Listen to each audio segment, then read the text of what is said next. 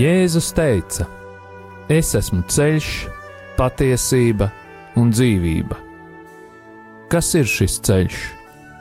Kā to atrast? Par to raidījumā Ceļš pie viņa. Raidījumu vada Normons Grasmanis.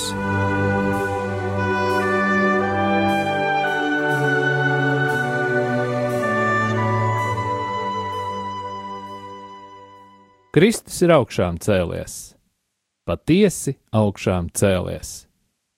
Ir pienācis piekdienas vakars pēc Kristus augšām celšanās svētkiem, un ēterā izskan raidījums Ceļš pie viņa. Pie radio pults esmu es, Normons Grasmanis. Vēlos atgādināt, ka raidījuma e-pasta adrese ir ceļš pie viņa at gmail.com.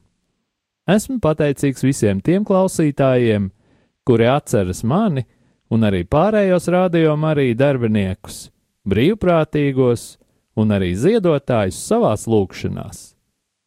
Vēlos pateikties katram klausītājam, kurš ar savām lūkšanām vai finansiālo ziedojumu atbalsta radio Mariju skanējumu ēterā, lai Dievs bagātīgi svētītu katru atbalstītāju un arī visus mūsu kopumā.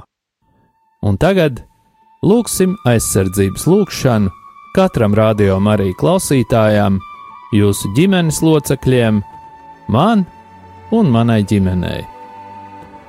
Jēzus Kristus vārdā es pārņemu autoritāti pār savu ģimeni un sasaistu visus ļaunos spēkus un varas gaisā, telpā, zemē, ūdenī, pazemē dabā un ugunī.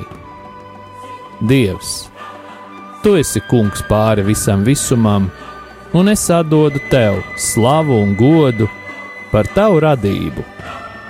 Tavā vārdā, Kungs, Jēzu Kristu, es sasaistu visus demoniskos spēkus, kas ir nākuši pār mums un mūsu ģimenēm, un ieslēdzu mūs visus tavu dārgo asiņu aizsardzībā kas mūsu dēļ tika izlietas pie krusta. Marija, mūsu māte, mēs lūdzam tavu aizsardzību un aizbildniecību pār mums un mūsu ģimenēm ar svēto Jēzus sirdi. Ietin mūsu savas mīlestības apmetnī un sakauj mūsu ienaidnieku. Svētais arcangeli Mihēls un visi mūsu sargeņģeļi nāciet aizsargāt mūs un mūsu ģimenes šajā cīņā pret visu ļauno, kas ir šajā pasaulē. Jēzus Kristus vārdā un caur viņa dārgajām asinīm es sasaistu visas ļaunuma varas un pavēlu tām atkāpties šajā brīdī no mums, mūsu mājām un mūsu zemes. Mēs pateicamies Tev, Kungs, Jēzu, jo Tu esi taisnīgs un līdzjūtīgs Dievs. Āmen! Jēzus Kristus vārdā un viņa krusta un viņa izlieto asiņu spēkā. Mēs sasaistām jebkura ļaunuma varas spēku garus un pavēlam tiem, lai tie nebloķē mūsu lūgšanas. Mēs salaužam jebkurus lāstus, burvestības, kas ir vērsti pret mums padarot tos tukšus un bezspēcīgus. Mēs salaužam jebkuru uzdevumu, kas ir dots jebkādiem gariem, kas vērsti pret mums, un sūtām viņus pie Jēzus, lai viņš dara ar tiem, ko vien vēlas. Kungs, mēs lūdzam, lai tu svētī mūsu ienaidniekus, sūtot savu svēto garu pār tiem, lai vadītu viņus uz grēku nožēlu un atgriešanos. Mēs pārcērtam jebkādas saites un saziņu ļauno garu pasaulē, kas ietekmē mūs un mūsu lūgšanu. Mēs lūdzam, Jēzus izlieto asiņu aizsardzību pār mums un mūsu ģimenēm. Paldies, Tev, Kungs, par Tavu aizsardzību un sūti pār mums savus eņģeļus, jo īpaši svēto erceņģeli Mihēlu lai viņš mums palīdz šajā cīņā. Mēs lūdzam tevi, vadi mūs, mūsu lūgšanās, un izlaies pār mums ar savu svēto garu, tā spēku un žēlsirdību. Āmen! Un tā, šodien runāsim par tādu dziedniecības sistēmu kā akapunktūra. Liekas, ka akapunktūras pirmsākumi ir saistāmi ar šāmaņiem, kur atbrīvojot cilvēku no ļaunajiem gariem, ievadīja miesā metāliskus kociņus. Tam visticamākais par iemeslu kļuva vispārīga cilvēciskā pieredze, kad pieskaroties noteiktām ķermeņa vietām, novēroja sāpes pēc kāda orgāna amputēšanas. Balstoties uz šo pieredzi, vairāku gadsimtu laikā ir attīstījusies šī dziedināšanas sistēma. Lai kāds būtu akupunktūras izcelšanās iemesls, šī tehnika ir attīstījusies vairāku gadu simtu laikā un izplatījusies arī citās Āzijas valstīs. Sākot ar 17. gadsimtu, tā ienāca arī Eiropā.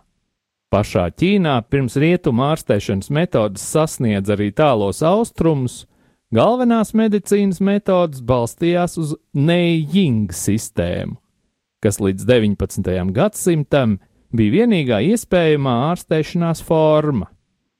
1822. gada 1929.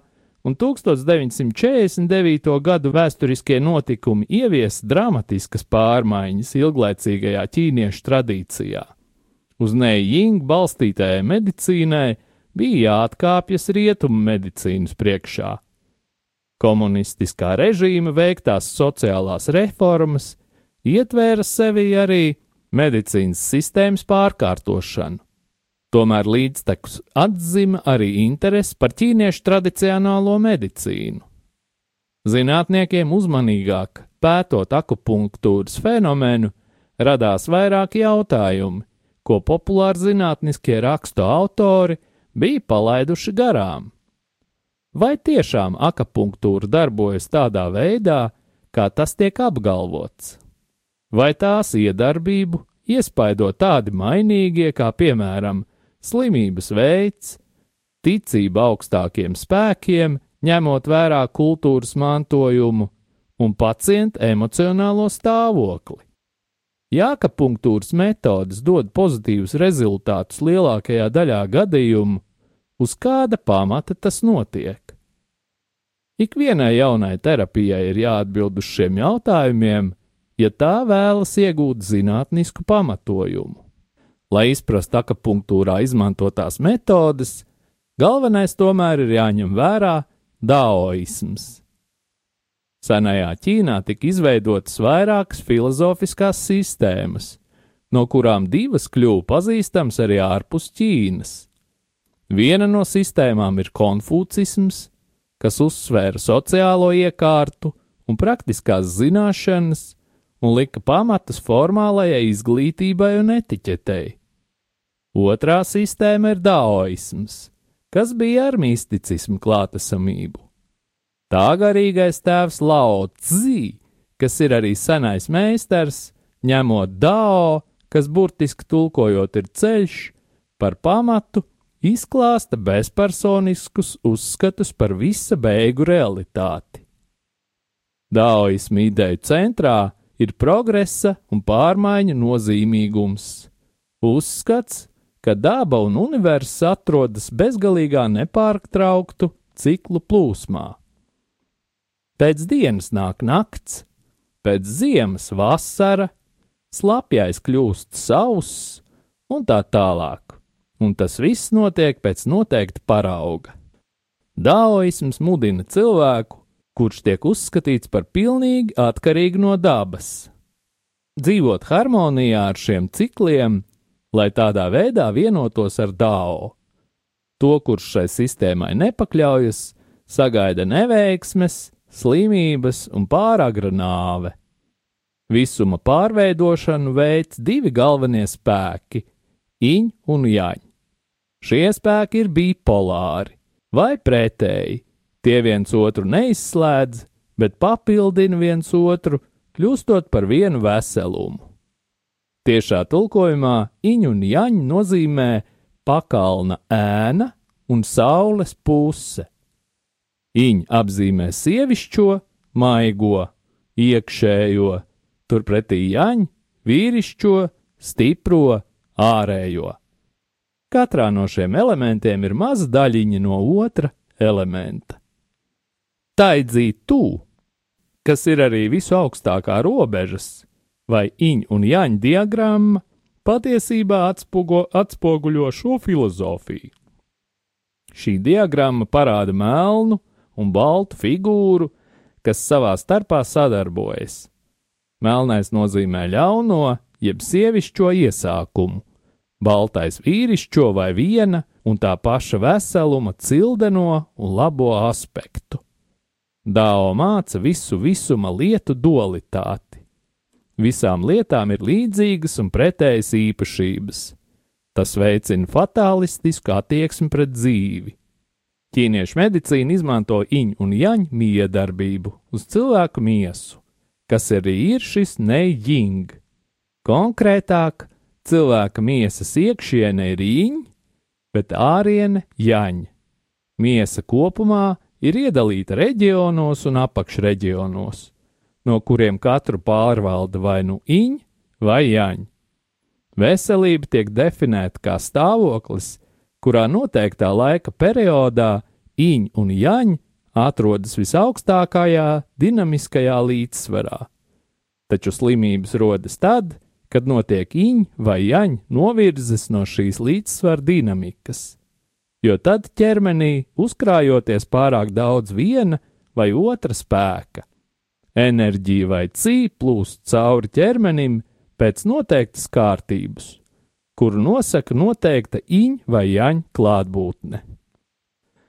Šī enerģijas plūsma tiek vadīta caur kanāliem vai tā sauktajām meridiānām, un katra no tām ir saistīta ar noteiktu ķermeņa orgānu. Cī, kas ir universālā e dzīvības enerģija, plūst cauri visiem dzīvajiem organismiem, to ieelpo kopā ar gaisu un uzsūc no ēdieniem un dzērieniem. Šīs enerģijas pārpalikums vai nepietiekamība izraisa neatbilstību iņu un jaņu starpā, kā sekas ir slimība. Tālāk jau meklējot slimības iemeslu, tiek ņemtas vērā pacienta sūdzības, viņa ārējais izskats, sejas krāsa un elpošanas veids. Tomēr saskaņā ar Neijing atslēgu uz pareizo diagnozi ir dažādo pulsa veidu pārbaudīšana. Katram pulsa veidam esot virspusējā un dziļā pozīcija, kas kopā ir 12. Šīs 12 pozīcijas atbilst 12 meridiānām, un to uzdevums ir piegādāt noteiktu informāciju par meridiānām tam, kas pārbauda pulsu. Katra pulsa pozīcija tiek rūpīgi pārbaudīta. Vīriešiem pulsu pārbauda no labās puses, bet sievietēm no kreisās puses. Tas ir veids, kā vienā mirklī ārsts var atklāt iņu un jaņu nelīdzsvara stāvokli kādā no orgāniem. Pirms mēs nonākam pie akupunktūras ārstēšanas metožu izklāsta, vēlētos vērst jūsu uzmanību uz šīs ārstēšanas sistēmas trūkumiem, un līdz ar to arī nekristīgo filozofisko pamatu. Slimības kā tādas, kuras atpazīst mūsdienu zinātniskā medicīna, lielākajā daļā ķīniešu medicīnas ir pilnīgi nezināmas. Ja pieņemam šo ārstniecības metodi. Šodien senajiem slimību aprakstiem būtu jātiek pielāgotiem mūsu zinātniski pamatotajam zināšanu līmenim. Tad tas būtu priekšnosacījums pareizai diagnozei. Tā kā dziednieki, kas mūsdienās izmanto akupunktūru, nevar sasaistīt konstatēto slimību ar konkrēto senajā Ķīnā aprakstīto Viņu var sniegt tikai virspusē slimības skartās vietas diagnozi, nu kā piemēram sirds problēmas, grēmošanas problēmas un tā tālāk. Šāda diagnostikas metode neļauj uzstādīt precīzi zinātnisku diagnozi. Rodas jautājums, kas tā ir par medicīnisko diagnozi, ja tai nav nekādas vajadzības pēc zinātniskas pieejas? Pieņemsim, ka tāda enerģijas plūsma pastāv, jo patiesībā tāda tiešām arī ir. Taču seno ķīniešu pieņēmumi par enerģijas plūsmām cilvēka ķermenī ir kļūdaini. Ja mēs pieņemam, ka šī enerģija tiešām kustās cilvēka ķermenī pēc iņu un jaņu principiem, tad kā dakteris var noteikt precīzo vietu, kur ir šī nelīdzsvarotība? Domājams, ka šīs diagnostikas metode ir tieši saistīta ar gaišredzību. Un, ja tas tā ir, tad kas ir tas spēks, kas nodod šo informāciju dakterim? Viens ir skaidrs - enerģijas plūsma cilvēka ķermenī līdz šim vēl nav zinātniski pierādīta. Un tagad pievērsīsimies akupunktūras ārstēšanai. Kad dakteris ir uzstādījis diagnozi, tad Neijinga sistēma viņam piedāvā piecas dažādas pieejas terapijai. Pirmā ir garīgā ārstēšana, kas mudina cilvēku uz pieticīgu, mierīgu dzīvesveidu. Otrā un trešā ārstēšanas forma ir diētas un medikamentu terapijas, ceturtā ir akupunktūra vai kāds no tās variantiem, piektā ir masāža. Neijing par galveno uzskata tieši akupunktūru lai atjaunotu vienmērīgo enerģijas plūsmu un iznīcinātu zināmos vai tikai pieņemtos šķēršļus un enerģijas pārpalikumu, kā arī lai atjaunotu līdzsvaru iņu un jaņu starpā, ārsts iedur adatas precīzi noteiktās ķermeņa vietās. Tiek izmantotas dažāda veida formas un izmēra adatas. Pašlaik lielākā daļa dziednieku izmanto nerūsējošu tērauda adatas, kuru garums svārstās no 2,5 līdz 10 centimetriem. Kad ir atrasta duršanas vieta, viena vai vairākas adatas tiek iedurtas noteiktā leņķī, līdz tiek sajusta kutināšana, smagums vai notirpums. Tādā datas tiek 10 vai 15 minūtes grozītas ar rokām vai pieslēgts elektriskam impulsu ģeneratoram. Tas mūsdienās tiek plaši izmantots. Ir arī cita iespēja - injicēt noteiktajā ķermeņa vietā ūdeni, sāls šķīdumu, lidokaīnu, vitamīnu B12 vai kādu citu sterilu vielu. Pacientiem ar sirds vājumu, kur nevēlas, lai viņiem dur, šļircē vai apdedzina, var vienkārši vajadzīgajā vietā uzspiest ar pirkstiem. Tā gan vairs nav akupunktūra, bet akupresūra, kas ir kļuvusi par pastāvīgu terapijas formu, un par to runāsim nākošajā raidījumā. Klasiskās akupunktūras terapijas mērķis esot iņu un jaņu līdzsvaru korekcijas, enerģijas pārpalikuma vai iztrūkuma novēršana, stimulējot tās ķermeņa vietas, kurās atrodas 12 meridiānas. Dažādi autori var konstatēt 365 līdz 800 šādas vietas, kuras šķērso meridiānas. Norādījumi, kā izvēlēties pareizās ķermeņa vietas akapunktūrai, ir kļuvuši par kompleksu sistēmu, kuru pilnīgi izprast var tikai speciālisti. Pamatā esošie jēdzieni, kā piemēram pulsa diagnoze, šķiet aizstāti ar zinātniski nepierādāmiem pieņēmumiem. Mēģināsim atbildēt uz jautājumu, vai akupunktūra darbojas. Atsaucoties uz pirmajiem rietumnieku novērotāju rakstītajiem ziņojumiem no Ķīnas, var rasties priekšstats, ka uz šo jautājumu ir skaidra atbilde jā, īpaši, ja runājam par sāpju mazināšanas jomu. Diemžēl šiem pirmajiem novērotājiem nebija pietiekošas pieredzes lai varētu sniegt zinātnisku pamatojumu šai metodei. Piemēram, pirmie ziņojumi apgalvoja, ka šāda anestēzijas forma tiek izmantota lielākajā daļā operāciju Ķīnā. Taču, izmantojot pašu ķīniešu savāktos statistikas datus, pētnieki saka, ka akupunktūra ir palīdzējusi mazāk nekā 10% gadījumu. Tāpat ir fakts, ka ne katras sāpes var tikt noņemtas ar šo metodi, un ka gandrīz visi pacienti papildus adatu terapijai saņem arī narkotiku vai kādu citu narkozes līdzekļu injekciju. Tas var būt arī malks alkohola pirms ķirurģiskās iejaukšanās. Ņemot vērā visu iepriekš minēto, nevar noliegt, ka bieži vien operācijas notiek pacientiem esot pie pilnas apziņas. Jāmin arī tas, ka akupunktūra apgalvo, ka ar šo metodi var izdziedināt jebkuru slimību. Tomēr daudz šīs ārstēšanas panākumu nevar tikt atkārtoti, un to ticamība apstiprināta. Viena no problēmām ir tā, ka duršanas vietas nevar skaidri norādīt, jo nav divu pilnīgi identisku cilvēku. Tātad arī orgāni neatrodas precīzi vienās un tajās pašās vietās. Kontrolēts zinātnisks pētījums balstās uz eksperimenta atkārtošanu vienos un tajos pašos apstākļos. Ņemot vērā dažādās diskusijās izteiktos kritiskos viedokļus, akupunktūras principi lielā mērā balstās uz rezultātiem, nevis uz klīniskiem izmeklējumiem. Turklāt ir redzams, ka daudzās klīnikās nepastāv pacienta slimības vēsture un netiek aprakstīta viņa reakcija uz terapiju. Ko mēs varam secināt? Iesākumā akupunktūra patiešām atvieglo dažādu intensitāšu sāpes dažādos laika periodos. Tomēr tas apstiprina tikai to, kas tāpat jau ir zināms par sāpēm.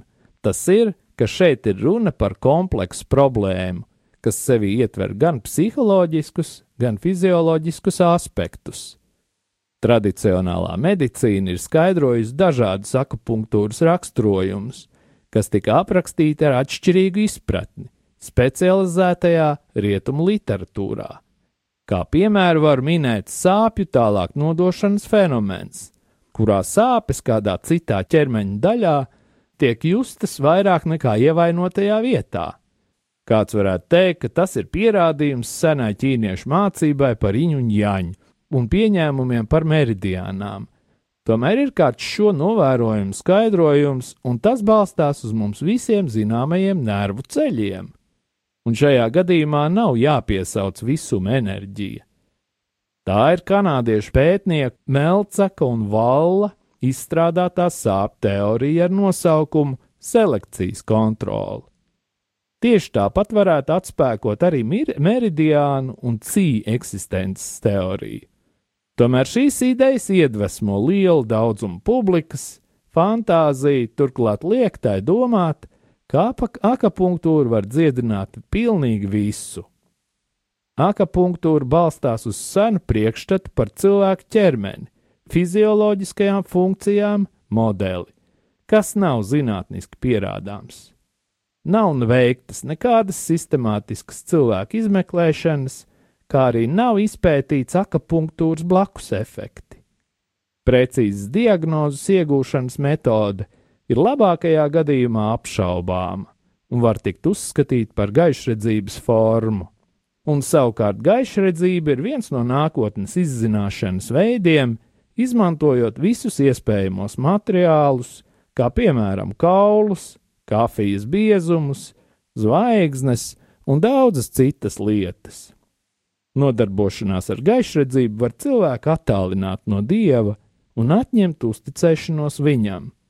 Visbeidzot, tā noved pie tā, ka radība tiek godināta vairāk nekā radītājs. Un tā, atkal prom no maldiem, Dārgie rādījumi arī klausītāji! Vēlos nedaudz pastāstīt par semināru, kurš notika 1. aprīlī. Seminārs bija ļoti svētīgs un sapratu, ka šādi semināri cilvēkiem ir vajadzīgi. Tāpēc nolēmu, ka katra mēneša pirmajā sestdienā rīkošu ģimenes dziedināšanas seminārus. Un jau tagad varu iepazīstināt, ka nākošais seminārs notiks 6. maijā mīlestības mājā Pieteikšanās ir iespējama caur mājaslapu mīlestības māja.lv sadaļā Terapija. Visas dienas garumā mēs klausīsimies lekcijas, un tādas būs četras. Vakara nobeigumā būs dieva vārda liturģija, būs iespējams arī personiskas aizlūgšanas tiem, kas to vēlēsies. Šoreiz esmu pieaicinājis arī palīgus. Mēs dzīvojam jaunās derības laikmetā, kurā Jēzus ir skaidri novilcis robežas attiecībā uz savu tēvu un sātanu. Diemžēl mūsu kristiešu sabiedrībā ir tendence dzīvot vecās derības kontekstā, kur Dievs ir svētību devējs, un Dievs bija arī soģis. Vecās derības grāmatās ir runāts par to, ka Dievs dod dzīvību, un Dievs arī to paņem. Burtiski runājot, Dievs nogalina. Taču tie ir vislielākie mēli, jo Dievs tik tiešām ir dzīvības devējs, protams, sadarbojoties ar pašu cilvēku, jo ir jāņem vērā, ka tikai pirmos divus cilvēkus radīja Dievs vienpersoniski.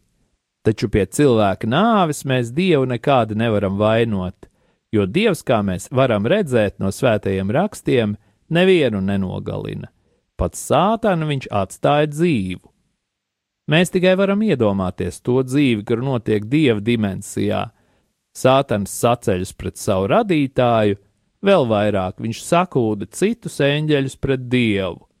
Vai dievam, kā visradītājam, būtu problēmas sātanu un visus kritušos eņģeļus iznīcināt? Bet viņš to nedara. Viņš viņu nogrūž uz zemes. Skaidrs ir tas, ka dievs nevar nostāties pats pret sevi. Viņš nevar būt visradītājs un arī iznīcinātājs. Tāpēc Jēzus mums skaidri un gaiši pavēstīja par vēlnu, kas ir visas radības iznīcinātājs. Otra svarīga lieta, kur mums ir jāapzinās, tas ir krusts. Jēzus mums, kā saviem bērniem, ar savu piemēru parādīja, ka pie mūsu lielā tēva ir viens ceļš - caur krustu. Ņemiet savu krustu un sekojiet man, tā Jēzus.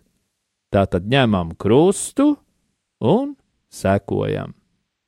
Izpratne par krustu ir ļoti svarīga, jo tendence par krustu uzskatīt nu, piemēram, slimību vai neveiksmes, vai, piemēram, sieva vai vīrs tiek pieņemts kā krusts, taču tā arī nav patiesība.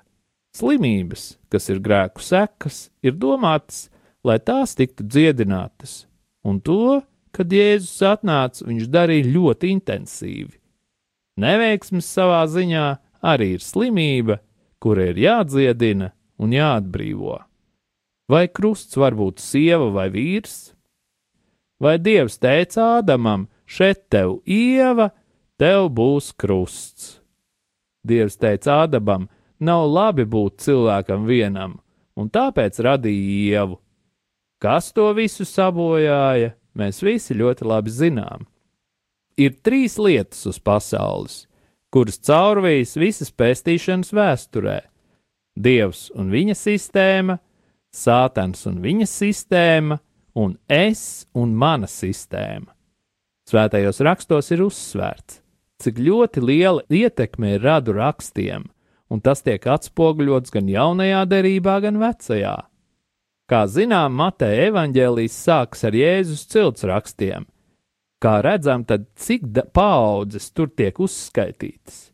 Ja tas tiek darīts, vai varētu būt tā, ka tas ir maznozīmīgi? Tātad manas izvēles un manas ģimenes sistēmai piedarošo cilvēku izvēles tiešā veidā iespaido manu dzīvi. Tātad es sistēma vienmēr sadarbojas un ir sadarbojusies vai nu ar dieva sistēmu, vai ar sātanu.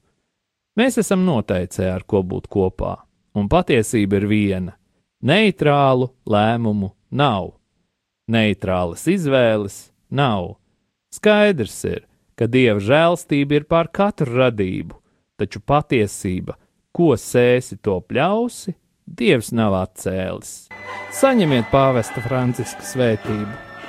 Kungs Jēzus Kristus, lai ir pār mums, lai mūs svētītu, lai ir pie mums, lai mūs pavadītu, un lai ir ar jums un mums, lai mūs aizsargātu, lai mūs svētītu Dievs Tēvs un Dēls un svētais gars, lai asins un ūdens, kas izplūda no Jēzus Kristus sirds, izplūst pār mums un lai šķīstī, atbrīvo un dziedina. Saņemiet svēto garu, Dieva tēva un dēla un svētā gara vārdā Āmen!